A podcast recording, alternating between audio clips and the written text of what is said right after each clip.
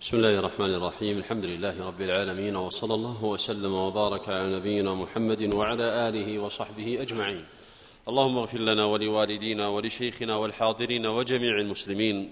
فهذا هو المجلس السابع عشر من مجالس شرح المقنع للموفق بن قدامة رحمه الله يشرحه معالي شيخنا الدكتور يوسف بن محمد الغفيص عضو هيئة كبار العلماء وعضو اللجنة الدائمة للإفتاء سابقا. ينعقد هذا المجلس بجامع عثمان بن عفان رضي الله عنه مغرب يوم الأحد الحادي والعشرين من شهر محرم من عام خمس وثلاثين وأربعمائة وألف للهجرة. قال المصنف رحمه الله تعالى باب ستر العورة وهو الشرط الثالث وسترها عن النظر بما لا يصف البشرة واجب.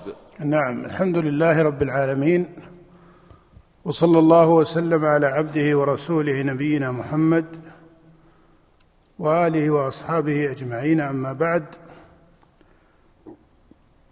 قال المصنف رحمه الله تعالى باب ستر العورة وهو الشرط الثالث أي من شروط الصلاة. وهذا الذي عليه جماهير الفقهاء أن ستر العورة شرط من شروط الصلاة. وذهب طائفة من أهل العلم إلى أنه واجب وليس شرطا. والراجح ما ذهب إليه الجمهور. والراجح ما ذهب إليه الجمهور. لقول النبي صلى الله عليه وسلم لا يقبل الله صلاة حائض إلا بخمار. فدل على أن هذا يكون شرطا. مثل قول النبي صلى الله عليه وسلم لا يقبل الله صلاة أحدكم إذا أحدث حتى يتوضأ. وقوله لا يقبل الله صلاة حائض إلا بخمار دليل على أن هذا أي ستر العورة شرط. من شروط صحة الصلاة. لا تصح الصلاة لا تصح الصلاة إلا بالإتيان بهذا الشرط وهو الذي عليه الجماهير من أهل العلم. وبعضهم ذكره واجبا وليس شرطا وبعضهم جعله شرطا مع الذكر فيسقط في حال النسيان. فيسقط في حال النسيان والأصح الأول أنه شرط مطلقا. نعم. قال وسترها عن النظر بما لا يصف البشرة واجب هذا في النظر ستر العورة بما لا يصف البشرة واجب على المكلف. وسيبين المصنف العورة المقصودة هنا. وهذا مما جاءت به الشريعة أن ستر العورة في خارج الصلاة واجب عن النظر. فلا يصح أن يلبس ثوبا يصف البشرة. نعم. قال رحمه الله وعورة الرجل والأمة ما بين السرة والركبة قال وعورة الرجل ما بين السرة والركبة وعنه أنها الفرجان. أما الرجل فعورته ما بين السرة والركبة وهذا الذي عليه الجماهير من أهل العلم وهو المعتبر وهو الذي جاءت بمقتضاه الأدلة. أن الرجل عورته ما بين السرة والركبة وهل الركبة داخلة في العورة وليست داخلة؟ على قولين. وهذا الذي عليه الجمهور أن عورة الرجل ما بين السرة إلى الركبة وهذا المعتبر. وأما ما جاء في انكشاف فخذ النبي صلى الله عليه وسلم فإنه عرض على غير القصد. كما جاء في حديث أنس. فهذا لا يدل على أن الفخذ ليس عورة وإن كان جاء في الصحيح رواه البخاري وغيره لكنه عرض. وبعضهم يجعل الرواية مما اختلف فيه أيضا من جهة الرواية. ولكن على كل حال من جهة طرق الاستدلال فهذه حال عرضت لا تقارن بالأحوال التي هي حال مستقرة ولا تقارن بالأقوال. فهذا هو معتبر الجمهور في أنهم لم يجعلوا حديث أنس رضي الله تعالى عنه لما انحسر الإزار عن فخذ النبي صلى الله عليه وسلم هذا كان في ركض الخيل لأن أنس رضي الله عنه قال وأجرى رسول الله صلى الله عليه وسلم في زقاق خيبر وانحسر الإزار عن فخذ النبي.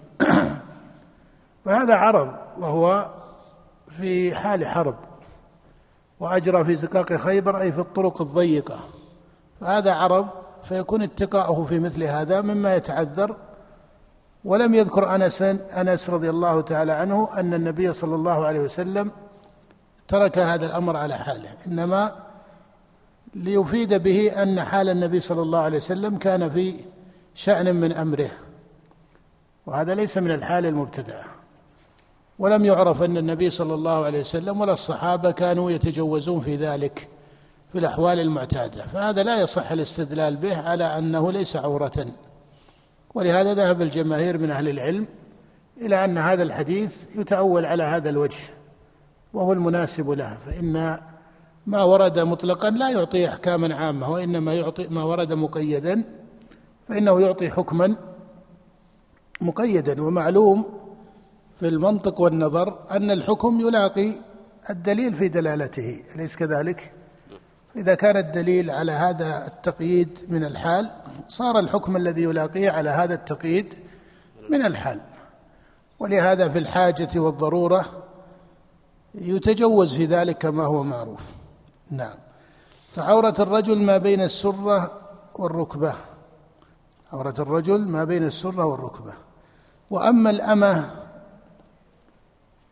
فقال المصنف والأمة ما بين السرة والركبة وعنه أنها الفرجان.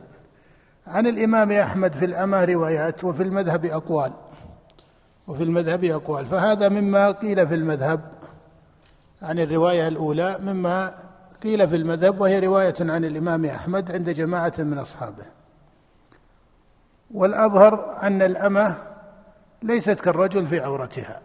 أن الأمة ليست كالرجل في عورتها. وفي مذهب أحمد قولان مشهوران. في مذهب الإمام أحمد قولان مشهوران. غير ما ذكر. أحدهما أن عورة الأمة ما يظهر غالبا وعادة منها. كالقدمين والساعدين ونحو ذلك. وهذا قول لطائفة من الأصحاب. والقول الثاني فيكون على هذا التقدير أدنى من قوله ما بين السره والركبة. اليس كذلك؟ نعم. قالوا ما يظهر عادة وغالبا من الإماء. كجزء من الساقين لا يبلغ الركبتين وجزء من الساعدين وهكذا. والقول الثاني دون ذلك أيضا في المذهب وهو أن عورة الأمة دون ذلك. أن عورة الأمة دون ذلك بمعنى أنه يجب عليها أن تستر الساقين ونحو ذلك. وبعضهم يفرق بين الأمة البرزة والأمة الخفراء التي لا تظهر عادة خارج البيوت. والذي عليه عامة الفقهاء أنهم يفرقون ما بين الأمة وما بين الحرة. يفرقون ما بين الأمة وما بين الحرة. هذا هو المشهور عند أكثر الفقهاء. ولكن جعل الأمة كالرجل هذا فيه نظر. جعل الأمة كالرجل ما بين السرة والركبة هذا فيه هذا فيه نظر. لأن هذا لم يأتي به دليل ولم تمض به سنة وليس هو من اقتضاء الشريعة والعموم من الأدلة في أحكام المرأة ينافيه. هذا فيه بعد والله أعلم. قال وعنه أنها الفرجان يعني وعن الإمام أحمد أن العورة في الرجل والمرأة فلا يكون الفخذ عورة. وهذه رواية مرجوحة. وأما جعلها في الأمة كذلك فهذا حكاها بعض الأصحاب أحمد ولكنها بعيدة. بل نص الشيخ تقي الدين رحمه الله على أن هذا غلط على الإمام أحمد وعلى الشريعة. وهذا ظاهر فلا يصح أن يقال إنها الفرجان في حقها فهذا بعيد وليس هو فيما يظهر من قول أحمد وإنما فهم عنه خطأ. كما نبه عليه بعض المحققين من أصحابه ومنهم الشيخ تقي الدين رحمه الله. نعم. والحرة كلها عورة إلا الوجه وفي الكفين روايتان. والحرة أي المرأة الحرة كلها عورة إلا الوجه وفي الكفين روايتان. في الصلاة في الصلاة المرأة الحرة تكشف وجهها. وكذلك في الكفين روايتان كما قال المصنف والراجح أن الوجه والكفين في الصلاة تكشفهما المرأة. يجوز لها أن تكشف الوجه والكفين ولا تغطي وجهها في الصلاة. وهذا الذي مضى به فعل نساء النبي صلى الله عليه وسلم أنهن لا يغطين وجوههن في الصلاة فلا تغطي المرأة وجهها في الصلاة بل تنهى عن ذلك. إلا إذا كان ثمة أجانب بين يديها فإذا خشيت ذلك غطت وجهها كما في بعض الأحوال التي يزدحم فيها الرجال بمقارب مكان النساء. والكفان تكشفهما المرأة كذلك على الراجح في مذهب الإمام أحمد. وأما القدمين فالراجح من المذهب أنها تغطى في الصلاة.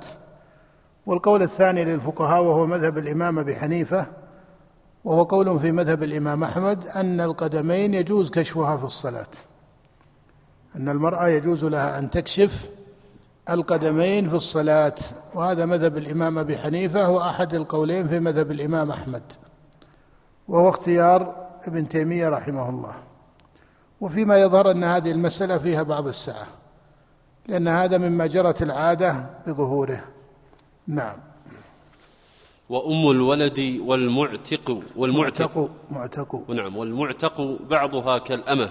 وعنه كالحرة. وأم الولد والمعتق بعضها على روايتين.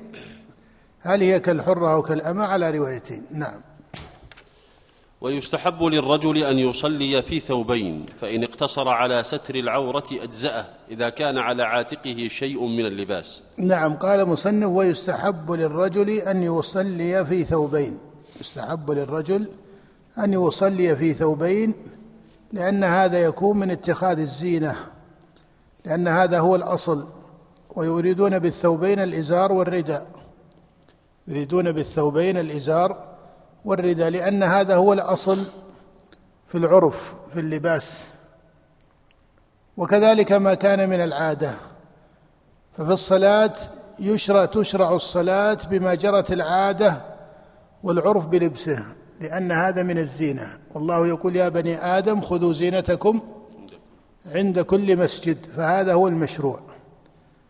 هذا هو المشروع أن يصلي في ثوبين بمعنى في الإزار والرداء على حسب تلك الحال الأولى.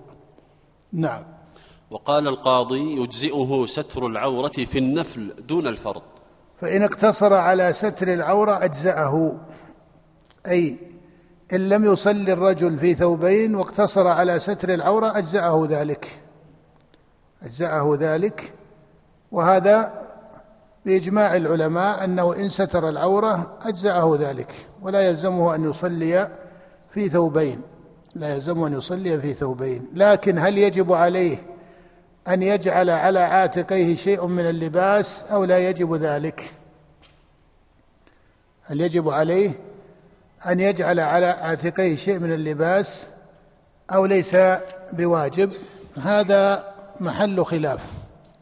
هذا محل خلاف. وقد ثبت في الصحيحين أن رجلا سأل النبي صلى الله عليه وسلم عن الصلاة في الثوب الواحد فقال اولكلكم ثوبان.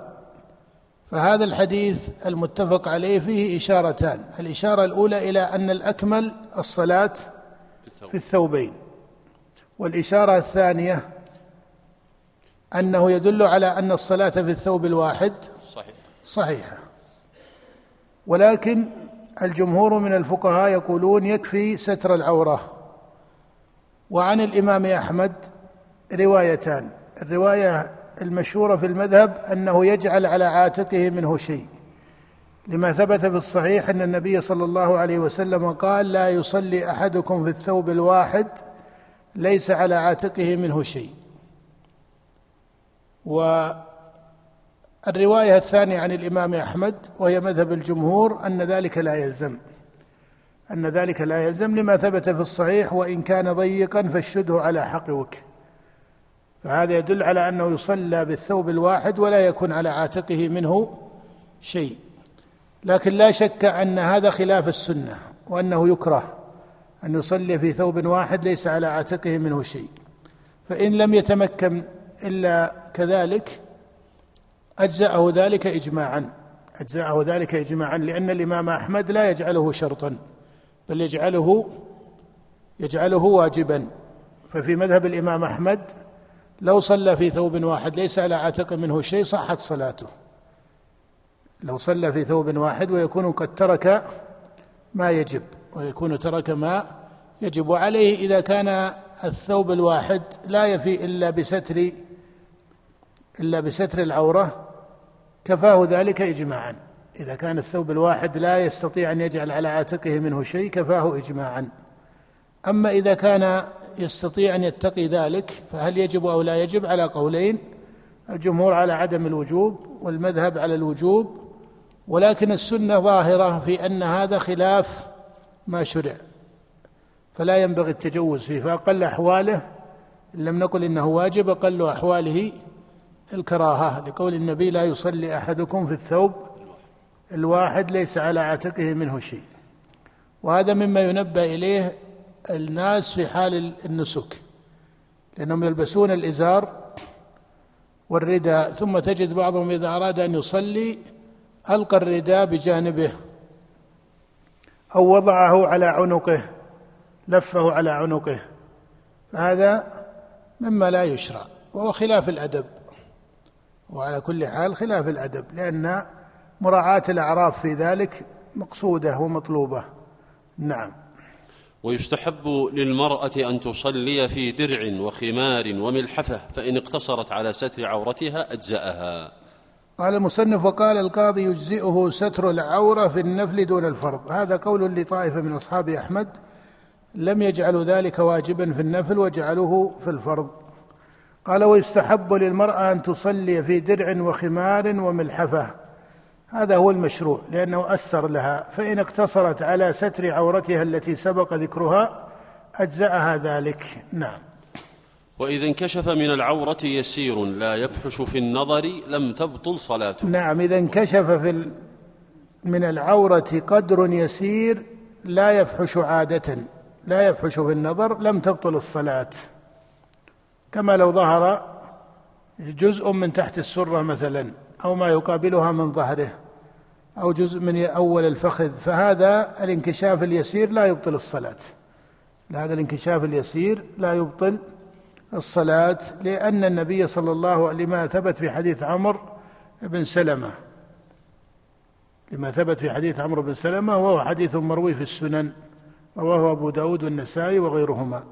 فهذا لا تبطل به الصلاة على الراجح. نعم. وإن فحش بطلت. وبعضهم قدر ذلك بالدرهم ونحوه. وإن فحش أي ما ظهر من العورة بطلت أي الصلاة. وعليه يكون المذهب عند الإمام أحمد أنهم يفرقون إن انكشف من العورة يسير لا يتقى عادة لم تبطل. وإن انكشف فاحش عادة وهو ما يقابل اليسير بطلت. وهذا أو هذه الطريقة في التفريق بين الحالين عليها الجمهور من الفقهاء لكنهم يختلفون في التقدير. فبعضهم يجعل ذلك معتبر بعضهم يجعل ذلك معتبرا بالعادة. وبعضهم يجعل ذلك مقدرا. لا يرد إلى العادة فمنهم من قدره بقدر درهم ونحوه. كما هو المشهور في مذهب الإمام أبي حنيفة والأظهر ما عليه مذهب الإمام أحمد لأن التقدير هنا ليس فيه نص. لأن التقدير ليس فيه نص. فيقال ما جرت العادة بالاغتفار فيه. ما جرت العادة بالاغتفار فيه. مع أن الأصل وجوب اتقاء ذلك. ليس المقصود عندهم أنه يجوز كشف القدر اليسير. لكن لو عرض ليس المقصود وهذا تنبيه مهم ليس المقصود في المذهب أنه يجوز أن يكشف اليسير من العورة بل المقصود أنه لو عرض فانكشف يسير منها بغير قصده فهل يبطل ذلك الصلاة أو لا يبطلها؟ نقول إن كان يسيرا كما لو ارتخى الإزار أسفل من السرة يسيرا. فهذا ما قصده أليس كذلك؟ فهل هذا يبطل الصلاة؟ المعتمد في المذهب أن هذا لا يبطل الصلاة. لكن لو كان فاحشا أبطل الصلاة. مثل لو انكشف نصف الفخذ هذا لا يكون يسيرا عادة. نعم. ومن صلى في ثوب حرير أو مغصوب لم تصح صلاته وعنه تصح مع التحريم. نعم هذه مسألة فيها روايتان عن الإمام أحمد وهما رأيان مشهوران للفقهاء. من صلى في ثوب حرير هل تصح صلاته أو لم تصح؟ هل تصح صلاته أو لا تصح؟ أما في ثوب الحرير فكأنك تعلم أن النبي صلى الله عليه وسلم نهى عن لبس الحرير وقال إنهما حرام على ذكور أمتي كما في الصحيح. فلبس الحرير محرم إلا فيما استثني إلا فيما استثني في الشريعة. واذا صلى في ثوب حرير إذا صلى في ثوب حرير هل تصح صلاته أو لا تصح؟ على روايتين عن الإمام أحمد المشهور في المذهب أن صلاته لا تصح. المشهور في المذهب أن صلاته لا تصح.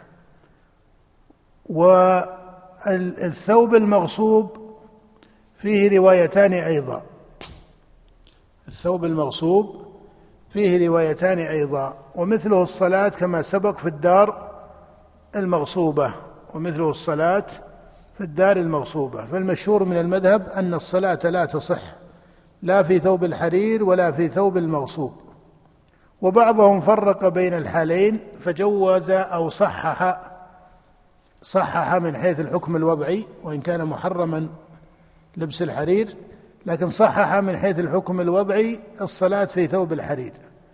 قال لأنه ستر عورته بما يحرم لكن لا يتعلق به حق آدمي بخلاف الثوب المغصوب فإنه ستر عورته بما يتعلق به حق آدمي بما يتعلق به حق آدمي نعم ومن لم يجد إلا ثوبا نجسا صلى فيه وأعاد على المنصوص قال. نعم. ويتخرج ألا يعيد بناء على من صلى في موضع نجس لا يمكنه الخروج منه فإنه قال لا إعادة عليه. نعم قال ومن لم يجد إلا ثوبا نجسا. صلى فيه وأعاد على المنصوب. من صلى من لم يجد إلا ثوبا نجسا أي يعلم أنه نجس. قال وجب عليه الصلاة فيه ويعيد على المنصوص أي على المنصوص عن الإمام أحمد. ويتخرج التخرج بمعنى أنه ليس من نص الإمام رحمه الله وإنما يتخرج على أقواله وعلى مذهبه أنه لا يعيد. يتخرج بمعنى أنها رواية مخرجة أو قول مخرج عن أحمد ليس من منصوصه. والتخريج منهج معروف التخريج على أقوال الإمام طريقة معروفة يستعملونها في المذهب وغيره. فيقول ويتخرج أي ليس من نص الإمام ولهذا لم يقل وعنه وإنما قال ويتخرج لأنها ليست رواية منصوصة. أنه لا يعيد بناء على من صلى في موضع نجس لا يمكنه الخروج منه فإنه قال لا إعادة عليه. فخرجوا أشبه ما يكون بالقياس أشبه ما يكون بالقياس بمعنى أنه جاء عن الإمام أحمد النص أن من صلى في في موضع نجس لا يمكنه التحرز منه والتحرز عنه إلى غيره قال إنه لا يعيد قالوا فكذلك نخرج على هذه الرواية المنصوصة في المكان النجس والموضع النجس الصلاة في الثوب النجس لكن منصوصه الأول منصوصه الأول. نعم. ومن لم يجد إلا ما يستر عورته سترها. فإن لم يكتفي فإن لم يكتفي فإن لم يكفي جميعها ستر الفرجين. نعم من لم يجد إلا ما يستر العورة سترها فإن لم يكفي جميعها ستر الفرجين. فيبدأ بالأغلظ فيبدأ بالأغلظ وهذا متفق عليه. نعم. فإن لم يكفهما جميعا ستر أيهما شاء والأولى ستر الدبر على ظاهر كلامه وقيل القبل أولى. نعم هذه أحوال ضيقة الوقوع لكنها لو وقعت فيتحرى لو وقعت يتحرى ما يكون أستر له بحسب الحال التي هو عليها. نعم. وإن بذلت له سترة لزمه قبولها إذا كانت عارية. فإن فإن عدم بكل حال صلى جالسا يؤمئ إيماء فإن صلى قائما جاز وعنه أنه يصلي قائما ويسجد بالأرض. قال وإن بذلت له سترة لزمه قبولها إذا كانت عارية. إذا كانت عارية لأن العارية لا تملك يقولون لا منة فيها. قالوا بخلاف بخلاف الهبة فلا يلزمه قبولها. والصحيح أنه يلزمه أن يقبل الهبة فيما يكون من شرط الصلاة. فإذا وهب له ماء إذا وهب له ماء وليس معه ماء وجب عليه قبوله ولا يلجأ إلى إيش؟ إلى التيمم. وإذا وهب له سترة يستر بها عورته وجب عليه قبولها. فإذا تمكن منها سواء كان بعارية أو كان بهبة أو كان بشراء كل ذلك مما يجب. كل ذلك مما يجب. حتى لو كانت هبة. وأما مسألة أنه يكون هناك منها أو ما إلى ذلك فهذا مما لا منة فيه. لأن هذا ليس هو المنة المذمومة في الشريعة. وقبول الهبة وقبول الهدية لو كان لا يقع إلا منة لما قبلها النبي صلى الله عليه وسلم. أليس كذلك؟ لو كان الهبة والهدية لو كانت الهدية لا تقع إلا منة والمنة تلزمها وتتعلق بها مطلقا لما قبلها النبي صلى الله عليه وسلم. فهذا لا يصح هذا التعليل لا يصح. بل متى بذلت له بسبب مباح سواء كان بعارية أو هبة أو تمكن من شرائها من باب أولى كل ذلك يلزمه ليحقق ما وجب عليه. نعم. وإن وجد السترة قريبة منه في أثناء الصلاة ستر وبنى فإن عدم وإن فإن عدم بكل حال. نعم. فإن عدم بكل حال صلى جالسا يؤمئ إيماء فإن صلى قائما جاز وعنه أنه يصلي قائما ويسجد بالأرض. نعم إذا لم يجد سترة فهل يصلي قاعدا أو يصلي قائما؟ وهل يأتي بالسجود أو يومئ إيماء؟ على قولين في مذهب الإمام أحمد. نعم. هذه من المسائل التي لا نص فيها. لكنهم اعتبروها بحديث عمران الثابت في صحيح البخاري صل قائما فإن لم تستطع فقاعدا فإن لم تستطع فعلى جنب فهل المقصود بالاستطاعة الحسية أو يدخل فيها هذا المعنى مما يتعذر في الفطرة والعادة؟ أن يكشف عورته فهذا محل نظر واجتهاد ليس فيها نص. نعم ولكنه إن صلى على هذه الحال تقليدا لهذا الرأي أو على تلك الحال تقليدا لهذا الرأي وهما رأيان مشهوران للفقهاء فصلاته صحيحة لا يعيدها. ليس أحد الوجهين بين الصحة عن الآخر. نعم. وإن وجد السترة وربما فرق وربما فرق بين كونه بحضرة أحد أو ليس بحضرة أحد كما لو تمكن الكفار من بعض المسلمين فصار على هذه الحال وحضرته الصلاة في أسر الكفار فهل يصلي هكذا أو يصلي هكذا؟ فيفرق بين حال لا يراه الناس وبين حال إيش؟ يراه الناس هذا مما يحتمل في النظر والفتوى. نعم. وإن وجد السترة قريبة منه في أثناء الصلاة ستر وبنى وإن كانت بعيدة ستر وابتدأ. وإن وجد السترة قريبا منه في أثناء الصلاة وقد دخل الصلاة بما يقضي أو بما تقتضي الشريعة سقوط الوجوب عنه والفرضية عنه. بمعنى أنه لما دخل الصلاة ما كان يمكنه لم يجد سترة فدخل معذورا ثم تمكن منها أثناء الصلاة. فهذا هو المقصود بقولهم ستر وبنى. أما لو دخل متساهلا أما لو دخل مهملا متساهلا بترك ستر العورة أو جزء منها ثم سترها أثناء الصلاة يبني وإلا ما يبني؟ لو دخل غير مبالي بستر جزء بين من عورته. ثم ناوله شخص ثوبا. فهذا لا يصح أن يبني على ما سبق. إنما مقصودهم هنا بالبناء على ما سبق. من دخل الصلاة معذورا. من دخل الصلاة معذورا. نعم. وتصلي قال وإن كانت بعيدة ستر وابتدأ لأنه لا بد له من قطع الصلاة. نعم. وتصلي العراة جماعة وإمامهم في وسطهم. نعم لو قدر هذا من حيث الوقوع أو إذا وقع هذا صلى العراة وإمامهم وسطهم لأن تقدم الإمام مستحب واتقاء النظر إلى العورات واجب. نعم. وإن كانوا رجالا ونساء صلى كل نوع لأنفسهم وإن كانوا في ضيق صلى الرجال واستدبرهم النساء. ثم صلى النساء واستدبرهن نعم كل ذلك مبني عند الفقهاء على اتقاء النظر إلى العورات. نعم. ويكره في الصلاة السدل وهو أن يطرح على كتفيه ثوبا ولا يرد أحد طرفيه على الكتف الآخر الأخرى. نعم, نعم. ويكره في الصلاة السدل وعنه يحرم. وهو أن يطرح على كتفيه الثوب لا يرد على عاتقه أو على الكتف الآخر منه شيء. لأن هذا مما يشغله في الصلاة. وقيل هو من باب التشبه. وأما إذا لف الثوب على أحد كتفيه أو أدخل فيه اليدين إن كان له يدان لم يكن هذا من باب السدل. نعم. واشتمال الصماء وهو أن يطبع بثوب ليس عليه غيره. نعم اشتمال الصماء أن يشتمل أن يطبع الثوب الواحد.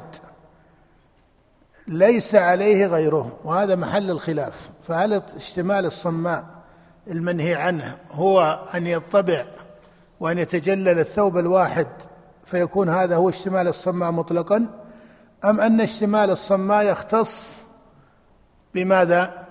بأن يكون ليس عليه ليس عليه غيره هذا فيه قولان للفقهاء هما روايتان عن الإمام أحمد والراجح أن اشتمال الصماء المنهي عنه وفي المذهب خلاف هل هذا مما يحرم أو مما يكره.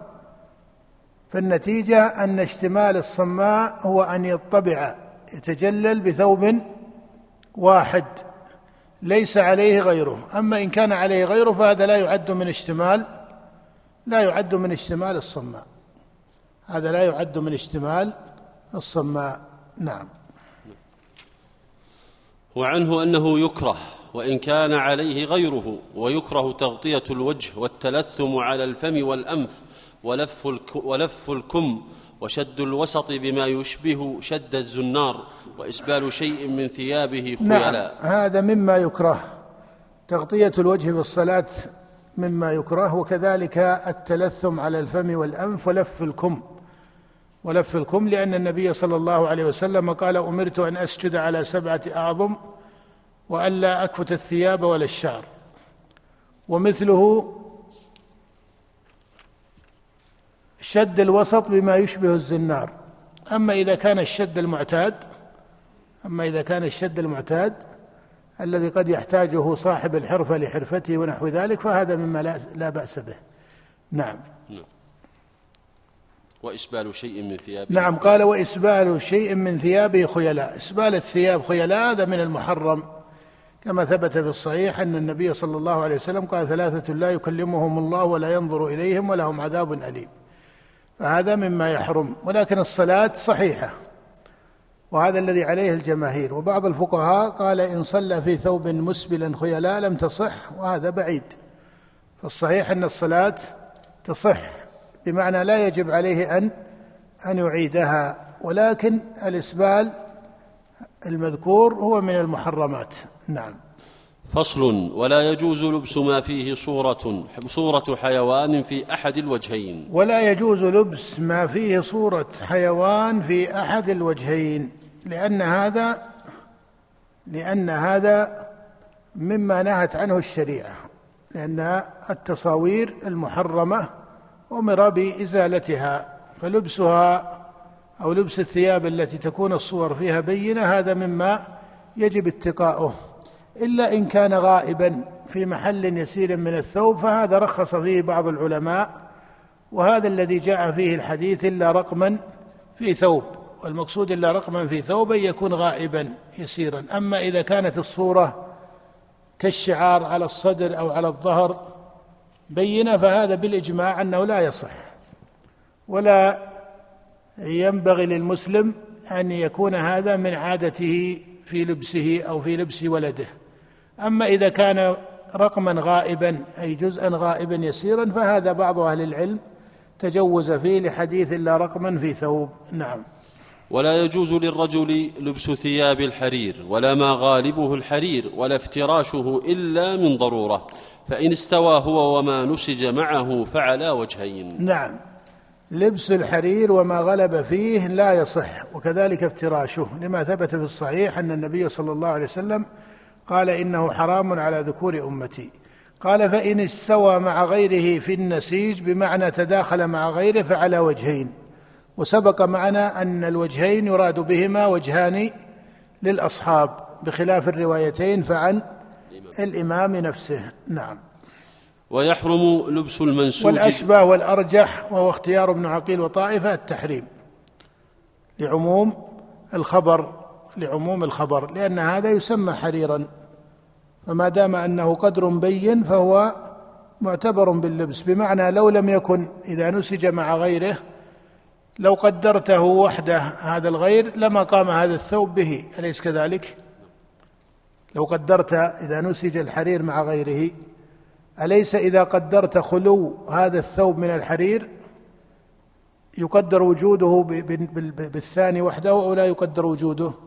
لا يقدر وجوده فإذا الثوب في الحقيقة قام به لم يقم بالثاني الثوب قام به فكذلك يكون مما يحرم نعم ويحرم لبس المنس... لبس لبس المنسوج بالذهب والمموه به فإن استحال لونه فعلى وجهين. نعم وكذلك المموه أي ما يطلع بالذهب بماء الذهب فهذا كله مما يحرم أو مما يحرم على الرجل لأن النبي صلى الله عليه وسلم بين أن الذهب حرام على الرجل كما جاء في الأحاديث الصحاح عن النبي صلى الله عليه وسلم وإن كان جمهورها جمهورها في الأكل والشرب لكن في بعض الروايات ما يدل على ما هو فوق ذلك. نعم. وإن لبس الحرير لمرض أو حكة أو في الحرب أو ألبسه للصبي فعلى روايتين. نعم فهذه الأحوال التي يرخص فيها في لبس الحرير. إذا كان لمرض وأصبح لا بد له منه ومثله لحكة أي, أي لا بد له منه. وأما عارض المرض الذي لا يلزمه فيه أو الحكة التي لا يلزمه الحرير فيها فهذا كغيره. ليس كل مرض أو كل حكة كذلك. إنما إذا قدر أن الطبيب قال له ذلك وهذا كان يقع في سالف الأزمان وربما الآن لا وقوع له لكن كان يقع في سالف الأزمان في مثل هذا التقدير أو في حال الحرب أو في حال الحرب. فعن الإمام أحمد في حال الحرب روايتان ولبس خالد بن الوليد الحرير في حال الحرب. نعم. ويباح حشو الجباب والفرش به ويحتمل أن أن يحرم. نعم قال ويباح حشو الجباب والفرش به أي بالحرير. ويحتمل التحريم. أما الوجه الأول فهو معتبر بأنه لا يباشره. معتبر بأنه لا يباشره إذا كان حشوا. قال ويحتمل التحريم لأنه مستعمل له. لأنه مستعمل له والاحتمال كما تعرف هو ما يمكن قوله في المذهب احتمالا في الفتوى ولم ينصوا عليه. نعم. هذا الفرق بين الاحتمال والوجه أن الوجه ما نصوا على تسميته في الحكم والاحتمال ما يمكن قوله وهذا يسميه بعض كبار الأصحاب يسمون الاحتمالات. نعم. فيقال ذكره الموفق وجها في المذهب أو ذكره رواية منصوصة أو ذكره رواية مخرجة أو ذكره احتمالا. فهذه فروقات مرت معنا أربع. في هذه المسائل التي عرضت عبر المصنف تارة برواية منصوصة وتارة بكلمة رواية وما ذكر أنها منصوصة وعبر بالتخريج وعبر بالوجه وعبر بإيش؟ بالاحتمال. فكل مصطلح من هذه المصطلحات الخمسة له له دلالته. أقواها في المذهب الرواية المنصوصة وأدناها الاحتمال, الاحتمال وفوق الاحتمال الوجه وفوق الوجه التخريج. وفوق التخريج مطلق الرواية. وبعدها في القوة الرواية المنصوصة الصريحة. نعم. فرق بين الاحتمال والوجه والتخريج؟ لا التخريج في العادة هناك التخريج على أقوال الإمام وهناك التخريج في المذهب لكن غالب ما يستعملونه في أقوال الإمام. بمعنى يكون للإمام نص مثل أن الإمام أحمد قال إذا سئل عن المسألة التي ذكرها المصنف لا يجد إلا مكانا نجسا لا يمكنه الانفكاك عنه قال يصلي ولا يعيد. فخرجوا عليها لو لم يجد إلا ثوبا نجسا لو لم يجد إلا يعني لو قدر أن شخصين في حبس مثلا. وما مكنوا من أو في حال تشبه ذلك. بمعنى لم يتمكن إلا من الصلاة في مكان نجس. والآخر لم يتمكن إلا من الصلاة في ثوب نجس. الرواية المنصوصة أن الذي يصلي في المكان النجس لا يعيد. ولكن في الثوب النجس إيش؟ تخريجا ليست رواية منصوصة وإنما هي تخريج على الأولى أنه لا يعيد. نعم. ويباح العلم الحرير في الثوب إذا كان أربع أصابع فما دون. وقال أبو بكر ويباح العلم الحرير أي تعليم الثوب بالحرير وهو أن يكون طرة فيه وقدره كما قال المصنف إذا كان أربع أصابع فما دون. نعم. وقال أبو بكر يباح وإن كان مذهبا. نعم هذا ثبت عن النبي الترخيص فيه العلم من الحرير كما جاء في حديث عمر أن النبي صلى الله عليه وسلم نهى عن الحرير إلا موضع إصبعين أو ثلاث أو أربع أي من الأصابع. فعلم الحرير في الثوب يسوغ وأما الذهب ففيه خلاف مشهور في المذهب. والراجح أنه لا يصح في اللباس مطلقا. الراجح أن الذهب لا يصح ولو كان يسيرا. نعم.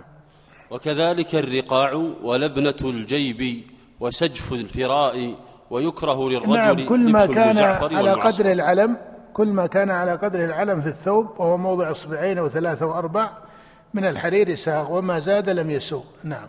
نعم ويكره للرجل لبس المزعفر والمعصفر. نعم يكره للرجل لبس المزعفر أي الثوب الذي أصابه الزعفران والمعصفر الذي أصابه العصفر. وهذا ثابت في الصحيح عن النبي صلى الله عليه وسلم أنه نهى عن لبس المزعفر وعن لبس المعصفر. لكنه لو أصاب الثوب لو أصاب الثوب وصلى به فصلاته صحيحة. وصلى به فصلاته صحيحة. نعم. قال رحمه الله باب اجتناب النجاسات وهو الشرط الرابع فمتى لاقى ببدن هذا هذا من المسائل التي على خلاف مذهب الجمهور لكن لسعة معرفة الإمام أحمد رحمه الله بالروايات عن النبي صلى الله عليه وسلم. فتجد أنه يتتبع مثل هذه المسائل وهذا من باب نهي الشارع عن المزعفر وعن المعصفر ونحو ذلك هذا كله من باب الكراهة وليس من باب التحريم. وإذا كان من باب الكراهة تبين أن هذا لا يدخل في مسائل الشروط أصلا لأن مسائل الشروط لا تتعلق بما يكره. نعم. قال رحمه الله باب اجتناب النجاسات. نقف هنا عشان الأذان أحسن الله نعم جاء الأذان. إيه. أي مناسب نقف هنا. مناسب. وبالله التوفيق وصلى الله وسلم على عبده ورسوله نبينا محمد.